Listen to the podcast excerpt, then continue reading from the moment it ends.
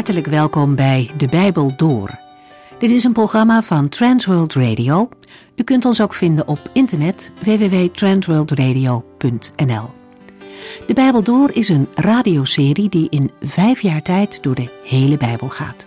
Van Genesis tot Openbaring, van kaft tot kaft.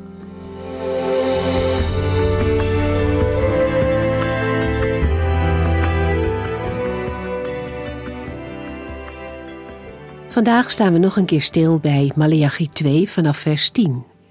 In dit gedeelte vinden we het derde gesprek tussen de Here en zijn volk in Jeruzalem.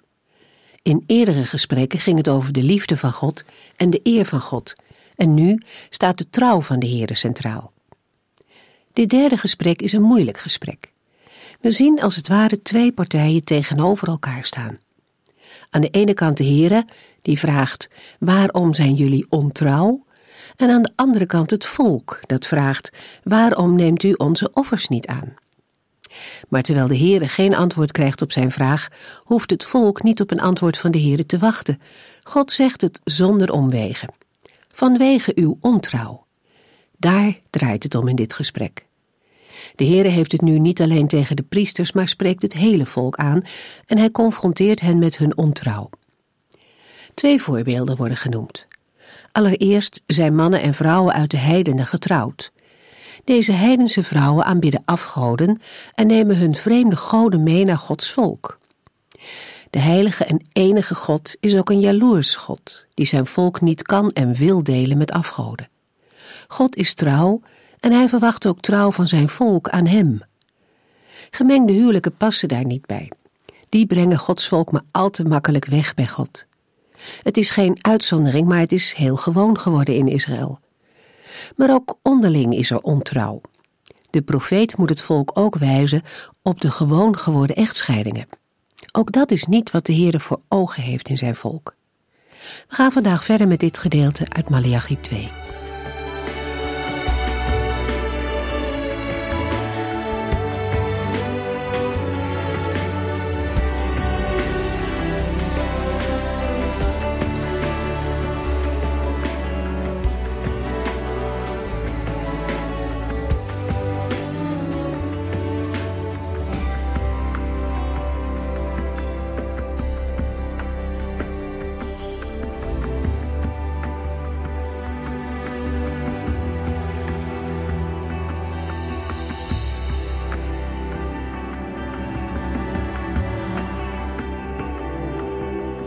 In de vorige uitzending hebben we Malachi 10 tot en met 15 al gelezen. Toch zijn er nog een aantal punten waar we nog wat dieper op willen ingaan. In Malachi 2 vers 10 lazen we: Wij zijn kinderen van dezelfde Vader en zijn geschapen door dezelfde God. Waarom zijn wij elkaar dan ontrouw en schenden wij het verbond van onze voorouders? In de vorige uitzending is al uitgelegd dat het in vers 3 niet gaat om Abraham of Jacob, maar over God als vader. Dat wordt ook bevestigd in de woorden: Wij zijn geschapen door dezelfde God. We gaven in de vorige uitzending ook al aan dat er over deze tekst heel wat te doen is geweest. Er zijn nogal wat mensen die van mening zijn dat het in deze woorden over alle mensen gaat dat alle mensen broeders zijn en dat wij allemaal dezelfde God als Vader hebben. Het resultaat van die gedachte is dat het er niet zoveel toe doet van welke kerk je lid bent of welke godsdienst je beleidt. Ach, zeggen deze mensen dan, we bedoelen allemaal hetzelfde, ook al gebruiken wij andere woorden en namen. Mogelijk kennen we ook het kinderlied Kinderen van een vader zijn we allemaal. Maar is het in het licht van de Bijbel wel waar dat wij allemaal kinderen van één vader zijn? Daarop willen wij in deze uitzending nog wat dieper ingaan. We kunnen zeggen dat Malachi 2 vers 10 duidelijk maakt op welke manier God de Vader is van ons allemaal. De Heere staat aan de oorsprong van alle mensen en is door de schepping de vader van de mens. Maar door de zondeval is de relatie met God verbroken. En de kinderen van Adam en Eva en hun nageslacht zijn allemaal kinderen geweest die in zonde zijn geboren en geestelijk gezien van nature midden in de dood liggen. Paulus schrijft in Romeinen 3, vers 23 tot en met 26: Alle mensen hebben gezondigd en missen daardoor Gods nabijheid. Maar God is zo goed en vergevend hen weer aan te nemen, zonder dat het hun iets kost en zonder dat zij het hebben verdiend, omdat Jezus Christus hen uit de greep van de zonde heeft bevrijd. God heeft Christus Jezus gegeven als verzoeningsoffer. Door zijn bloed zal de mens, wanneer hij gelooft, Gods rechtvaardigheid ontdekken. God gaat namelijk voorbij aan de zonden die eerder gepleegd waren, om uiteindelijk in deze tijd te laten zien hoe rechtvaardig hij is. Dat doet hij door iedereen die in Jezus gelooft vrij te spreken. De mensheid is God als vader kwijtgeraakt in de zondeval van Adam en Eva in de Hof van Eden. Door de zonde zijn wij mensen van nature kinderen van de duivel. De Heer Jezus zegt tegen zijn toehoorders in Johannes 8, vers 38 tot en met 47: Ik vertel wat ik bij mijn vader gezien heb, en u doet wat u van uw vader hebt gehoord. Abraham is onze vader, zeiden zij. Als u kinderen van Abraham bent, antwoordde Jezus, volg dan zijn goede voorbeeld. Maar in plaats daarvan probeert u mij te doden. Ik heb u nog wel de waarheid verteld, die ik van God gehoord heb. Zoiets zou Abraham nooit doen. U doet precies hetzelfde als uw echte vader. Wij zijn niet uit ontucht geboren, protesteerde zij. Niemand anders dan God is onze vader. Jezus zei: Als God uw vader was, zou u van mij houden, want ik ben van God uit naar u toegekomen. Ik ben niet uit mezelf gekomen, maar God heeft mij gestuurd. Waarom begrijpt u niet wat ik zeg? Omdat u niet in staat bent mijn woorden aan te horen. U bent kinderen van de duivel en doet graag wat hij wil. Hij is al sinds het begin een moordenaar en heeft altijd buiten de waarheid gestaan, want de waarheid is hem vreemd. Hij kan alleen maar liegen, hij is de bron van de leugen. Omdat ik de waarheid spreek, gelooft u mij niet. Wie van u kan mij beschuldigen van iets slechts? Ik spreek de waarheid. Waarom gelooft u mij dan niet? Wie bij God hoort, begrijpt wat hij zegt. Omdat u niet bij God hoort, begrijpt u hem niet. Jezus spreekt in Johannes 8 over God als Vader, maar ook over de duivel als de vader van de leugen. Daarmee laat de heiland zien hoe de zaken er geestelijk gezien voorstaan. De mensheid is een zonde gevallen en ligt midden in de dood, in de duisternis. En in zijn eerste brief moet Johannes de lezers van zijn brief zeggen, in 1 Johannes 3, vers 7 en 8: Laat u door niemand iets wijsmaken, vrienden. Een rechtvaardige is iemand die rechtvaardig leeft, zoals ook Christus rechtvaardig is. Maar wie blijft zondigen, bewijst daarmee dat hij bij de duivel hoort, die nadat hij voor het eerst gezondigd had, altijd is blijven zondigen. Maar de Zoon van God is gekomen om aan de activiteiten van de duivel een einde te maken.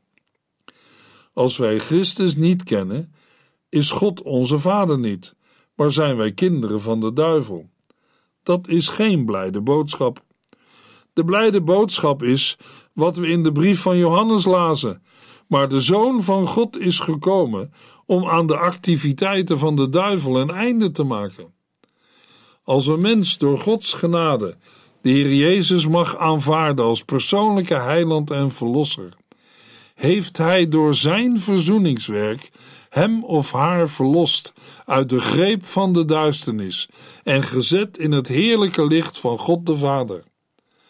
We lezen in Johannes 1, vers 12 en 13. Maar allen die hem wel aanvaard hebben en geloven in zijn naam, heeft hij het recht gegeven kinderen van God te worden. Zij worden opnieuw geboren, niet op natuurlijke wijze of vanuit menselijk verlangen of omdat de mens dat wil, maar ze zijn uit God geboren. Als we zo opnieuw geboren mogen zijn en bij het huisgezin van God horen, is God onze Vader. Dan zijn wij in Zijn dienst gekomen om overal te vertellen hoe goed en groot Hij is, opdat verloren mensen gered zullen worden voor de eeuwigheid.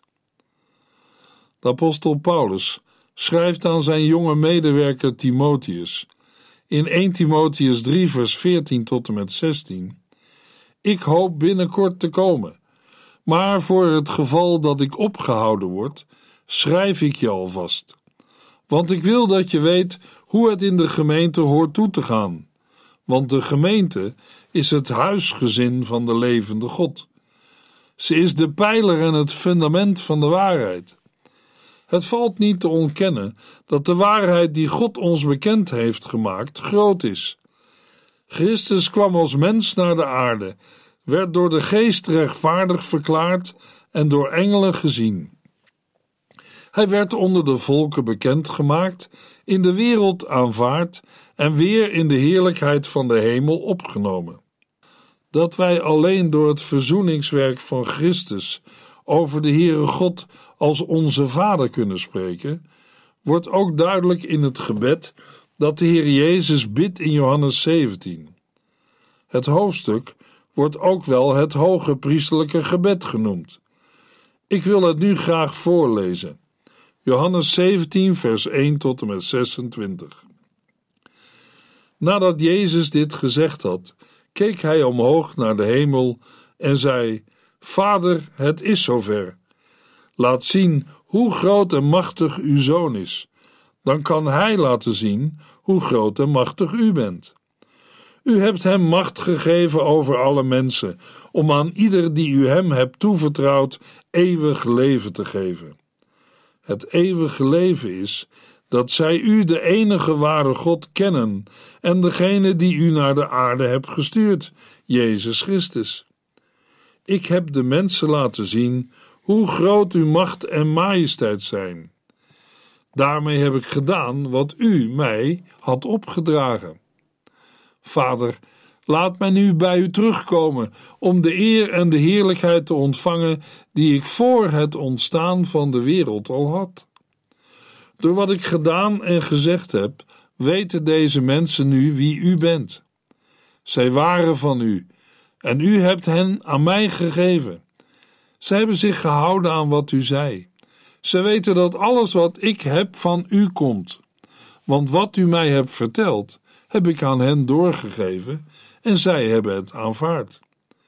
Ze zijn tot het geloof en de overtuiging gekomen dat u mij hebt gestuurd. Ik bid voor hen, niet voor de wereld, maar voor hen die u mij hebt toevertrouwd. Zij zijn van u. Alles wat van mij is, is van u. En wat van u is, is van mij. In hen wordt weerspiegeld wie ik ben. Ik verlaat de wereld en kom bij u, maar zij blijven nog in de wereld. Heilige Vader, bescherm hen in uw naam, de naam die u ook aan mij gegeven hebt, zodat ze één kunnen zijn zoals wij. Zolang ik bij hen was, beschermde ik hen in uw naam die u mij hebt gegeven. Ik heb geen van hen verloren laten gaan, behalve degene die verloren moest gaan. Daardoor werd werkelijkheid wat in de boeken stond. Nu kom ik bij u. Ik zeg dit allemaal terwijl ik nog in de wereld ben, omdat ik wil dat zij vol zullen zijn van de blijdschap die ik heb. Ik heb hun doorgegeven wat u verteld hebt. De wereld haat hen, omdat zij, net als ik, niet bij de wereld horen.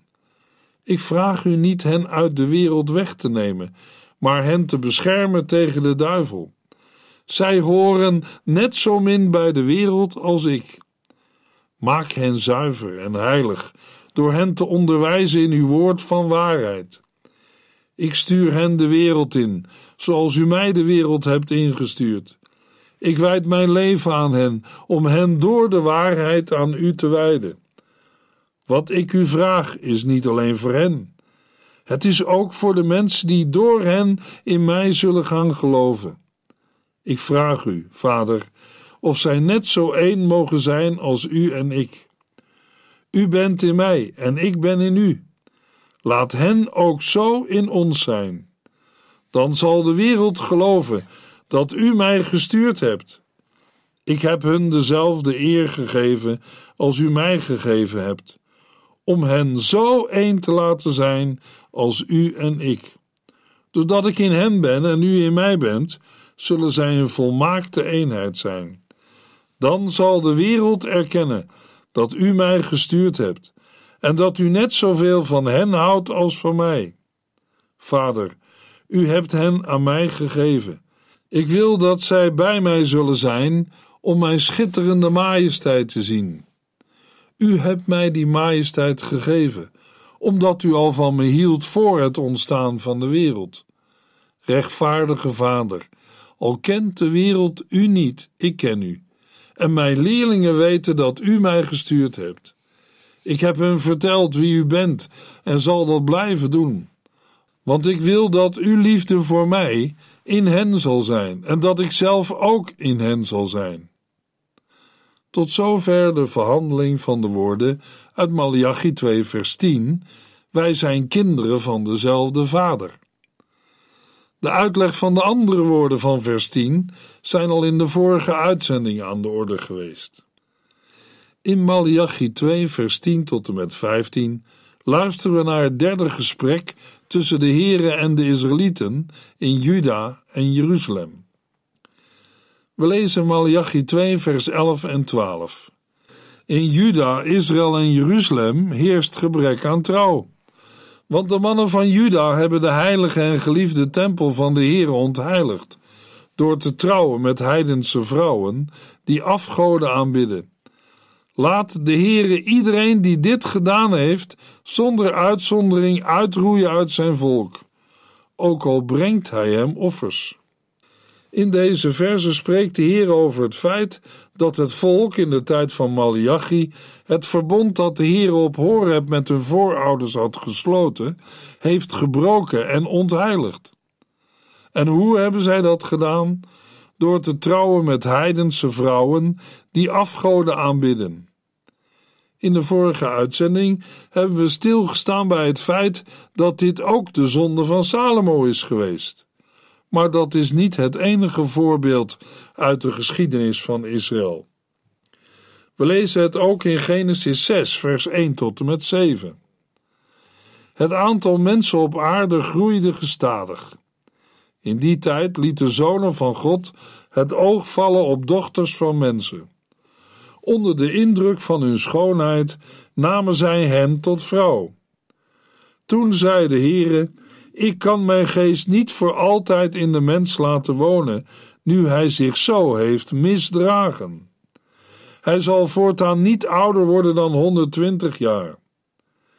In die tijd waren er reuzen op aarde, de kinderen van de zonen van God en dochters van mensen. Ze zijn bekend als de helden uit het verre verleden. Maar de Heere bekeek met afkeer het zondige gedrag van de mensen. Van al hun voornemens zag hij dat de opzet boos was. Daarom had hij er spijt van dat hij hen had geschapen, en hij voelde zich diep gekwetst. Hij zei: Ik zal ze uitroeien, niet alleen de mensen, maar ook alle dieren, kruipende dieren en de vogels. Ik had ze nooit moeten maken. Maar aan Noach had de Heere een welgevallen. De Heere bekeek met afkeer het zondige gedrag van de mensen.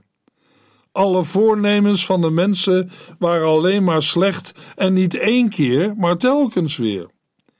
Hiermee wordt duidelijk hoe verdorven het menselijk geslacht op aarde was geworden. Waar bleek dat uit? In de eerste plaats uit het feit dat de instelling van het huwelijk tussen man en vrouw werd overschreden. Tot de scheppingsorde behoort ook eigen aard en soort. Vermenging wordt ook later, onder andere in de Bijbelboeken Leviticus en Deuteronomium, streng veroordeeld. In deze verse worden ook geen verkrachtingen bedoeld, maar huwelijken. Die moeten gesloten zijn met instemming van de vrouwen en hun familie. Vooral uit de maatregel die de Heere God neemt, blijkt dat de mensen zich hebben misdragen. We lazen: De mens heeft zich misdragen en zal voortaan niet ouder worden dan 120 jaar. De leeftijd van de mens wordt ingekort. De mens die zichzelf handhaaft, de macht grijpt en steeds wil blijven leven, wordt beknopt. Uit het vervolg blijkt dat rechtvaardigheid en een leven in nauwe verbondenheid met de Heere van meer waarde is dan het menselijk streven naar grootheid en onsterfelijkheid. We lazen dat de Heere spijt had dat hij de mens had geschapen. De geweldige verdorvenheid en ongehoorzaamheid van de mensen lijkt dat te bewerken. Het raakt God intens.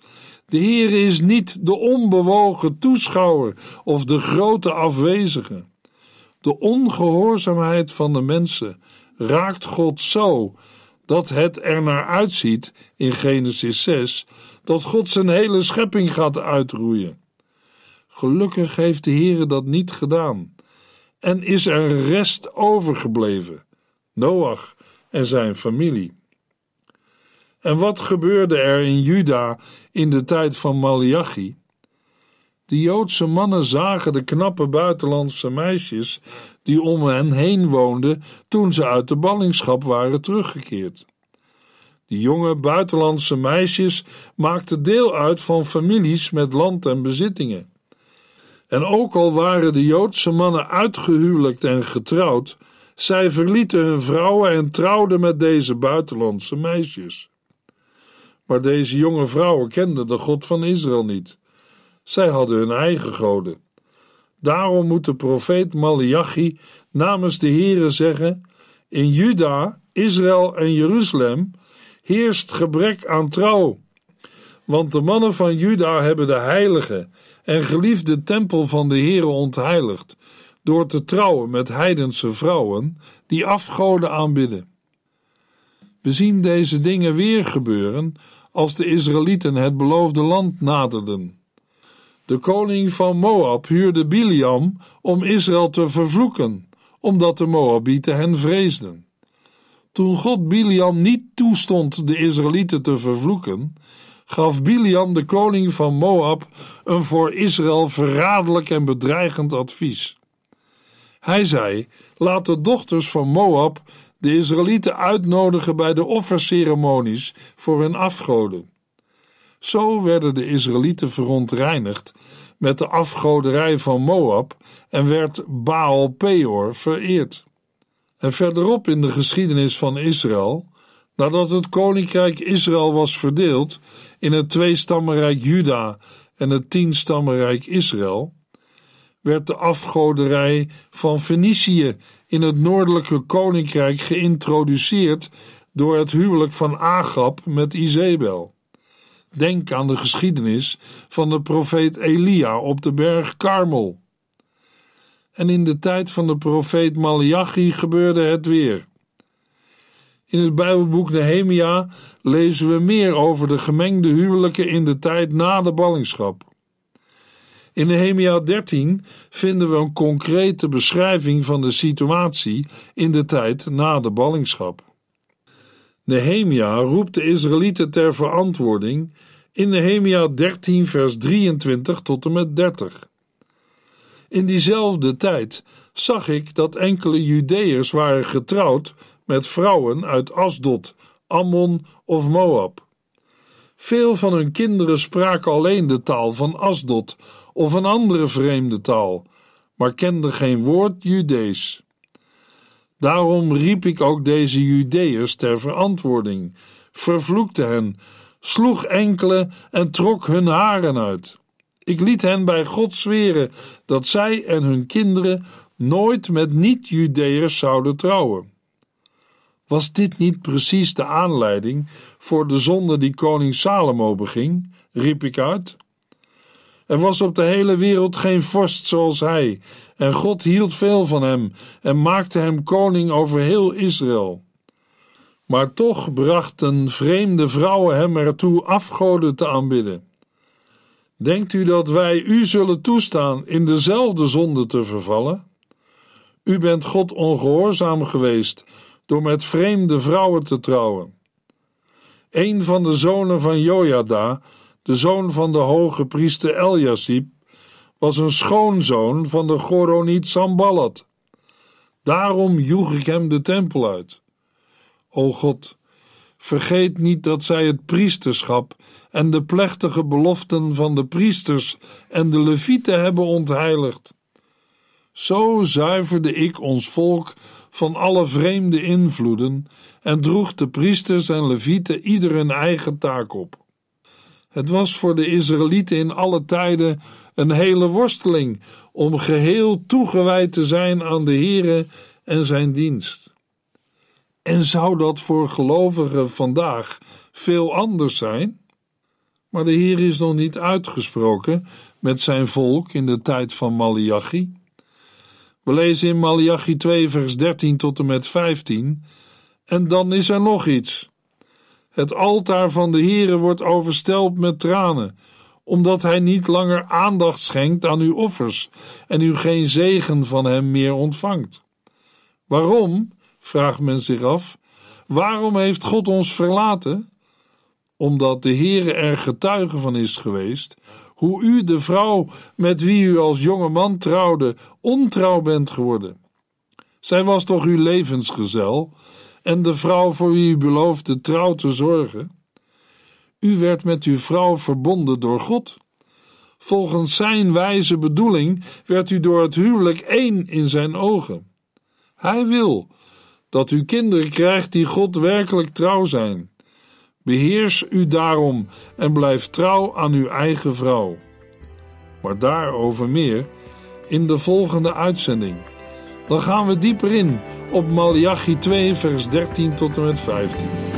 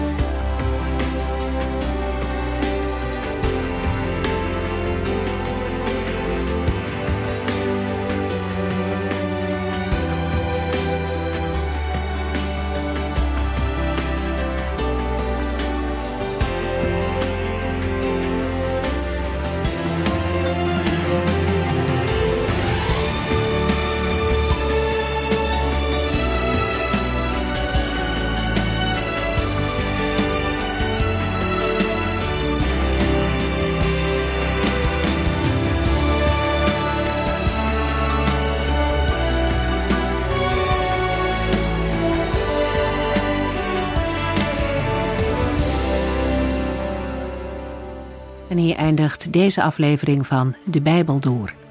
Een serie programma's van Transworld Radio. Wilt u ons iets vragen of meer weten? Dan kunt u altijd contact met ons opnemen.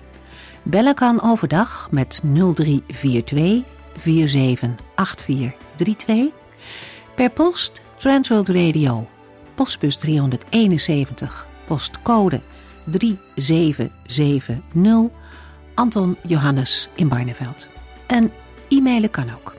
De Bijbel door at transworldradio.nl En natuurlijk ook via onze website transworldradio.nl Dit programma werd gepresenteerd door Cor Weda en Ike André. En namens iedereen die er nog meer aan meegewerkt heeft, graag tot de volgende keer.